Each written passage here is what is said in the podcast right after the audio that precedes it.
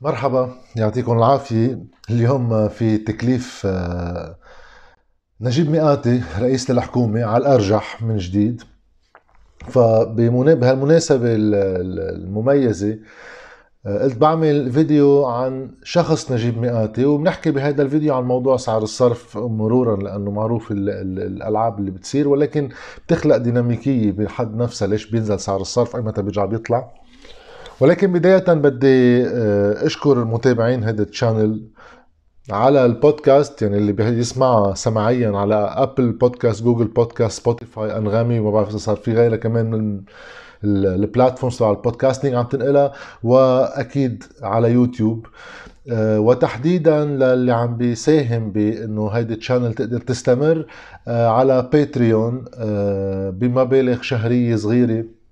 لأن من خلال هذه المبالغ عم بحاول هلا وصرنا بمرحلة متقدمة إنه نطور من الطريقة الإنتاجية خصوصا مع قطع الكهرباء اللي اضطرني أرجع على هيدا الميكرو اللي بعرف في كتير عم بيقولوا لي إنه في إشكاليات بالصوت إن شاء الله أسبوع أسبوعين وبنقل كل التصوير على محل ثابت وبصير آه، كله ضمن الشروط والمعايير اللي كنت أساسا بلشت فيها قبل ما نوقع بهالمشاكل التقنية نتيجة الانقطاعات بالكهرباء وإن شاء الله هلأ كم دقيقة بتجي الكهرباء. بموضوع آه، نجيب مئاتي. اولا موضوع هيك آه، آه، اختياره فينا واحد يسميه هذا آه، رئيس الزركة يعني الكل مزروك بهذا التأليف اللي ما حدا بده إياه.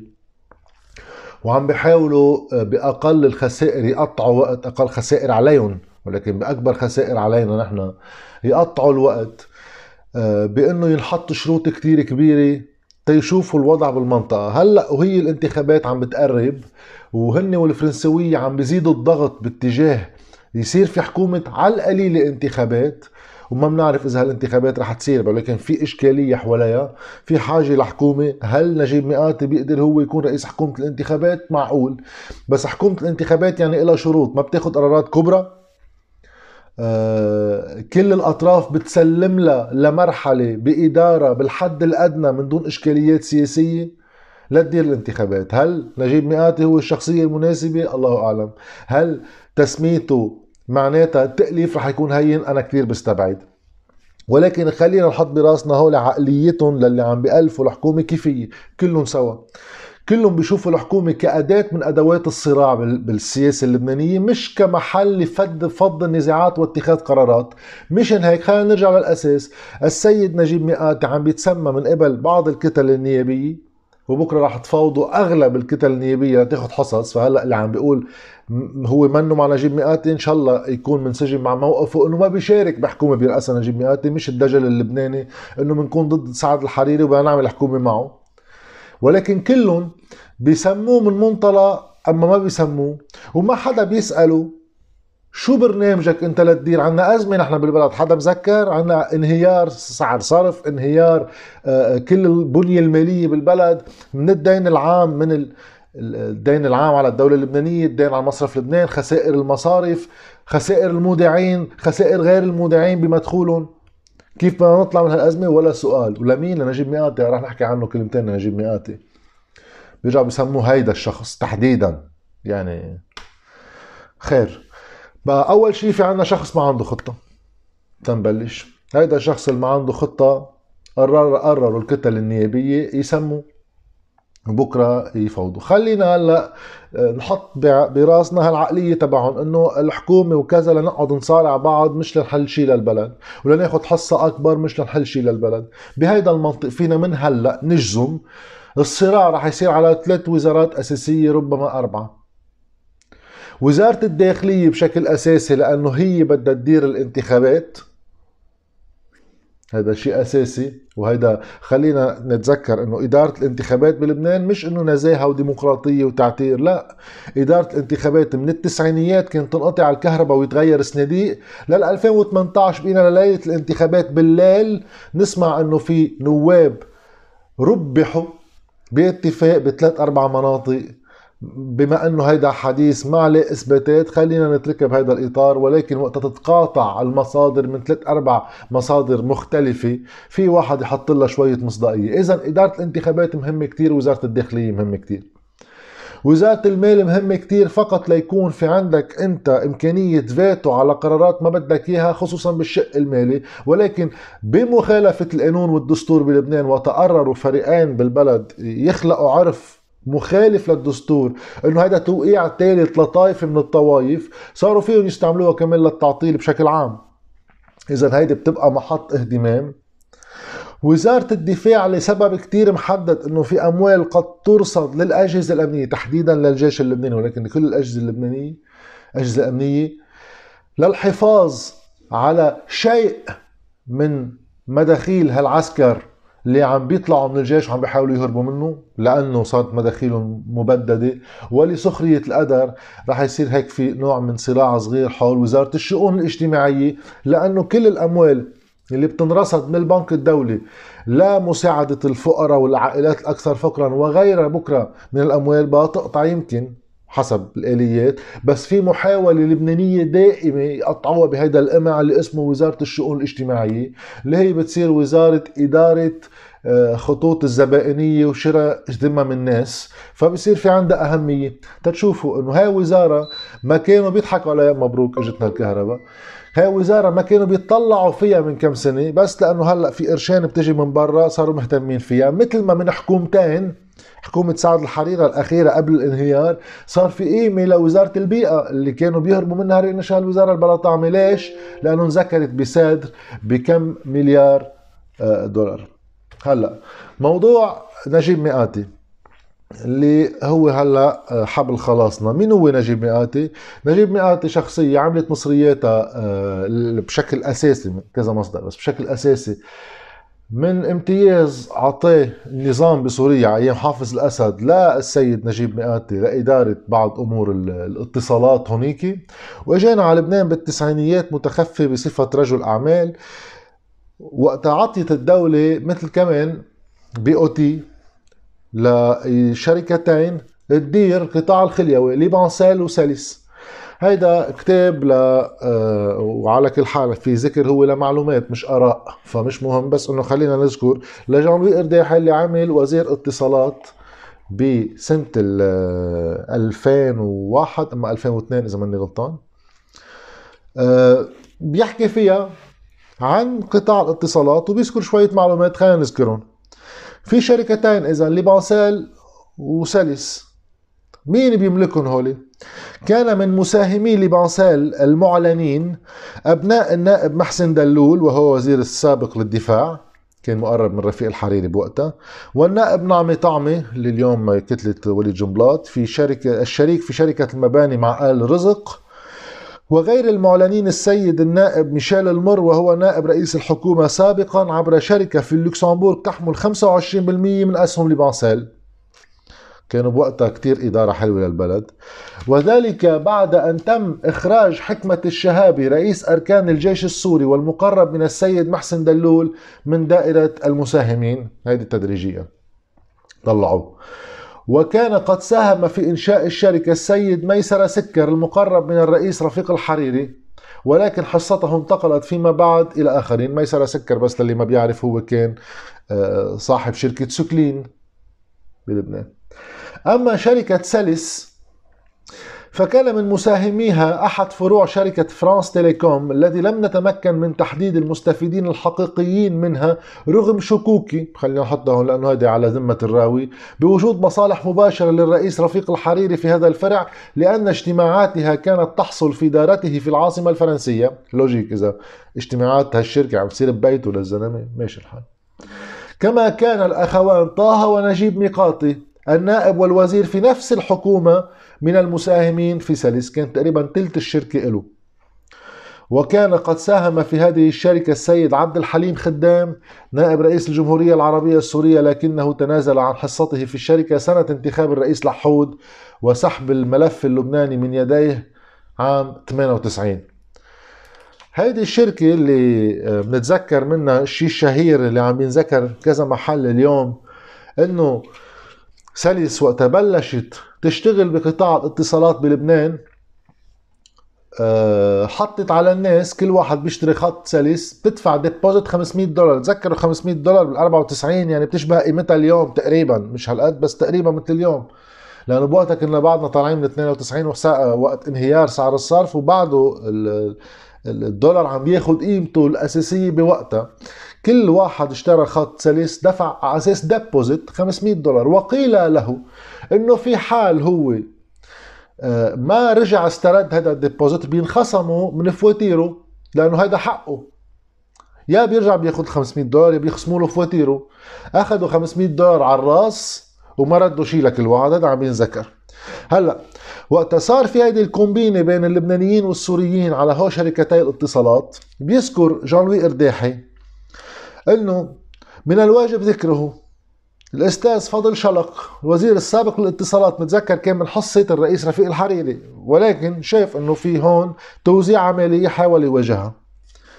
كان أول من تصدى للشركات ومخالفاتها ما بين عامي 94 و 96 حيث واجه زميله وزير الدفاع في حينها السيد محسن دلول. هلا حلو إنه كان بوقتها وزير اتصالات آه الفضل شلق تواجه مع وزير الدفاع محسن دلول. محسن دلول هو صاحب واحدة من الشركات. يعني ليكو تضارب المصالح بقلب الحكومة. تواجهوا وساند محسن دلول رئيس أركان الجيش السوري السيد حكمة الشهابي. لأنهم أصحاب المصالح في شركات الخليوي. ودفع ثمن هذه المواجهة إبعاده عن الوزارة وعزله سياسيا والمفارقة بدل أن يكافئ الوزير شلق وأن يدعم للعودة إلى الحكم وإصلاح الدولة تغاضى أصحاب القرار عن هذا الأمر ولم يكلف بعدها بأي مهام وطنية أصلا اختلف هو والرئيس رفيق الحريري بوقتها نتيجة هذا الصراع اللي قالوا إنه خايفين مش هون في فساد بقصة الاتصالات. ما كان عارف إنه هذا الفساد اللبناني متصل أيضا بشخصيات بقلب سوريا وطيروه من إدارة هذا الملف وأي ملف من بعد لأنه اختلف هو الرئيس الحريري. ولكن وين الفضيحة الأكبر بعد؟ اللي الرئيس ميقاتي هيك آه، بنصها هلا جاي يعمل إصلاحات الرئيس ميقاتي خلينا نخبر شوي بتاريخية الإصلاحات. إنه هيدي الشركتي الاتصالات Cellis و LibanCell أخذوا BOT على 10 سنين. BOT يعني بتاخذ هيدي الشركة بتديرها بتعمل أرباحها بالمقابل وبتردها للدولة بعد فترة. هالفترة هي 10 سنين. يعني هو حوالي سنة 2003 2004 كان بيخلص ال BOT وبترجع هيدي الشركتين للدولة اللبنانية. بنكون خلصنا. بيطلع في فكرة بسنة 2002 عند الرئيس رفيق الحريري. وقتها بيطلب قبل بسنة ونص سنتين من انتهاء هالعقود وبتنتهي وبتنتقل ملكيتها ببلاش للدولة اللبنانية فسخ العقد مع الشركتين. بنكفي بالكتاب. في تلك الأثناء دعي أعضاء المجلس الأعلى للخصخصة. على أساس بدنا نعمل خصخصة بوقتها وعلى أساس مؤتمر باريس اثنين والإصلاحات المطلوبة بباريس اثنين. تشوفوا بحجة الإصلاحات من مؤتمر باريس اثنين شو كان عم يتركب ضروبه بلبنان. لبحث موضوع العقود بين الدولة والشركات وكان المجلس مجلس الأعلى للخصخصة من مين مؤلف؟ من الرئيس رفيق الحريري رئيسا من وزير المالية فؤاد السنيورة وزير الاقتصاد وزير الاتصالات وكان الأمين العام للمجلس الأعلى للخصخصة السيد غازي يوسف وهو موظف في شركة خاصة تابعة للرئيس الحريري ومقرب منه وقد طعنت طعنته هو كوزير اتصالات جان لوي ارديح عم بيقول طعنته بتعيينه إذا اختاره الرئيس الحريري بنفسه دون أن يمر قرار تعيينه في مجلس وزراء الذي يملك الصلاحية مجتمعا في تعيينه. وقد أجرى الرئيس الحريري هذا التعيين خلافا للقانون. ونتذكر غازي يوسف بعدين حط نائب بكتلة المستقبل. بوقتها بعد ما كان ظاهر سياسيا إنه بده يصير نائب حطه. في اجتماع المجلس طرح الرئيس الحريري فكرة فسخ العقود بين الدولة والشركات الممسكة بقطاع الخليوي. قال تعالوا تنفض خلص نفض العقد. وأن يعرض القطاع بعدها لبيع رخصة استثماره في مناقصة دولية. إذا بحجة الخصخصة وإصلاحات وباريس اثنين تعالوا تنفسخ العقود ونخصخص هذا القطاع. قلت له جان لوي إرداحي يا دولة الرئيس لقد بقي للعقود مدة سنتين وتنتهي. فإذا فسخناها الآن سوف نختلف مع الشركات ونقع في نزاع كبير. أكد لي الحريري والمجلس أنه لا لن نختلف.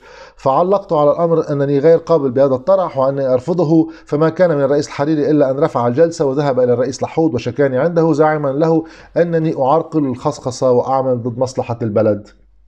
هلأ الحلو أنه من بعدها انفسخوا العقود. السيد نجيب مئاتي بيكون وزير بوقتها. لاحقا لا بوقتها. ما في تضارب مصالح. عبلا كان محسن دلول وزير عم بيناقش بموضوع الشركتين مع وزير الاتصالات فضل شلق هو واحد صاحب واحدة من الشركتين. وبعدين بتاني إشكال كان نجيب مئاتي. بيفسخ الدولة العقد قبل بسنتين ما ترجع لها الشركتين بلاش فسخوا العقد قبل ما ينتهي العقد. فبتقوم الشركتين بيتشكوا على الدولة اللبنانية بتحكيم دولي إنه هاي الدولة اللبنانية فسخت لنا العقد قبل ما يخلص. تفاجئوا هن مش كانوا وزراء بقلب الحكومة. تفاجئوا.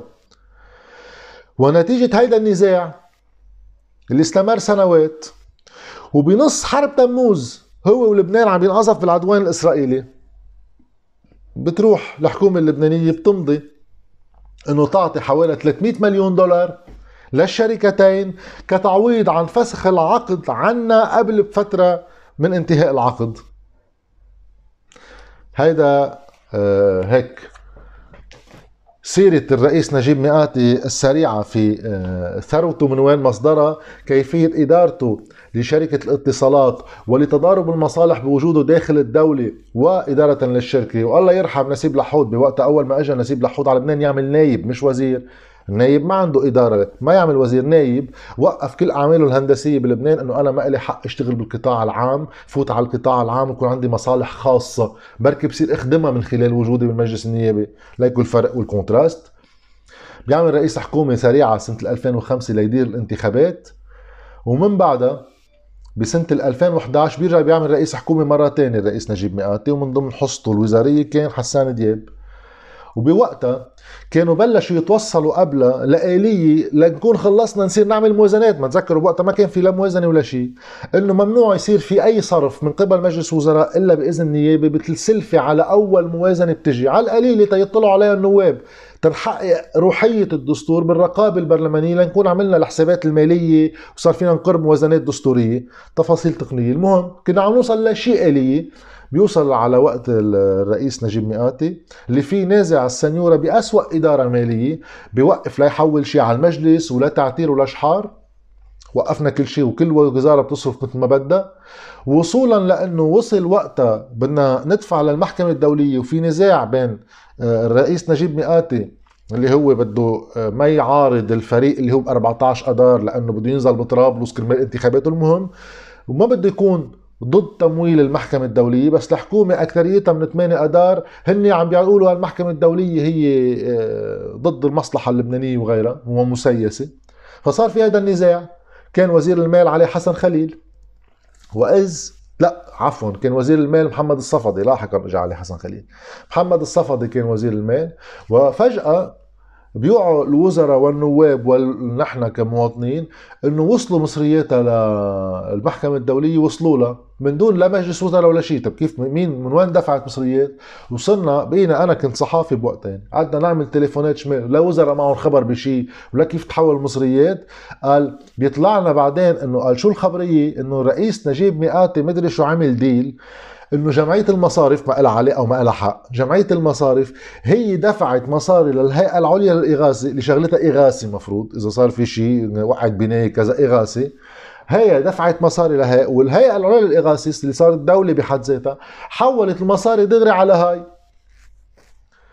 هيدي مفروض فوت ناس على الحبس بمجرد ما تصير هالآلية كلها سوا بالمال العام ما بنعرف شو بفوت وشو بيطلع. غير ما نحكي عن كل المخالفات بالمالية العامة اللي بقيت تنفق من دون لا موازنات ولا إجازة نيابية ولا إجازة بالجباية الضرائب ولا بدفع بالصرف على حكومة وبوقتها كانت الكوارث المالية أهميتها إنه هالحكومه كانت عم تمارس هالممارسات بوقت كانت بلشت ميزان المدفوعات يبين إنه بلشنا عم نخسر كل سنة. يعني الأزمة اللبنانية اللي وقعتنا بال 2019 بلشت بوقتها مش حق عليه بحد ذاته. يعني نجيب مئاتي لأنه كان في أوضاع المنطقة كلها وسوريا وكل مصادر الدولارات على لبنان بلشت تتشح. بس بدل ما نحن نقارب هيدي الإشكالية لأن بوقتها نوزع خسائر وما كان حدا حس فيها كان عندنا ما يكفي من الدولارات باحتياطاتنا ما حدا يحس بالانتقال. لاقتصاد عنده إمكانية للبقاء بصورة مستدامة مش يكون متكل على دولارات من الخارج. بيجي نجيب مئاتي ما بيعمل شيء طبعا من هو كلهم لبل بالعكس بيوقف حتى الآليات البسيطة للإنفاق تتصير طبيعية. وهلالين بالآخر واحد لازم يذكر انه هون نترات الأمونيوم اللي هلأ عم نكرمه بإنه يجي يرجع يصير رئيس مكلف قبل ذكرى 4 آب ببضعة أيام فاتت على البلد على أيامه. هلا كان بيعرف ما بيعرف نرجع على هذه العادية. الله أعلم. بس واحد هيك يعني من النترات وصل وإلى النترات عاد من جديد. فمبروك للرئيس مئاتي. وبالنسبة لسعر الصرف لنختم. سعر الصرف بيتأثر بهول العمليات بفعل أمرين. الفعل الأول إنه بيجي حدا مثل الرئيس نجيب مئاتي بده يوحي إنه يبا هو رمز ثقة الشعب اللبناني ايحاء محلي على الخفيف وايحاء خارجي أكثر بيقوم في سقط له بسهولة في ما بعرف إذا هو عملها ولا بنوكي ولا الناس. بينزل له 3 4 ملايين على السوق على فترة جمعة جمعتين. وبيقدر يأثر بسعر الصرف نزولا. فسوقنا الصيرفي ضيق جدا وصغير جدا. واحد ملياردير معه أكثر من 8 مليار دولار. هو خيه يعني بتصور سهلة عليه هذه القصة.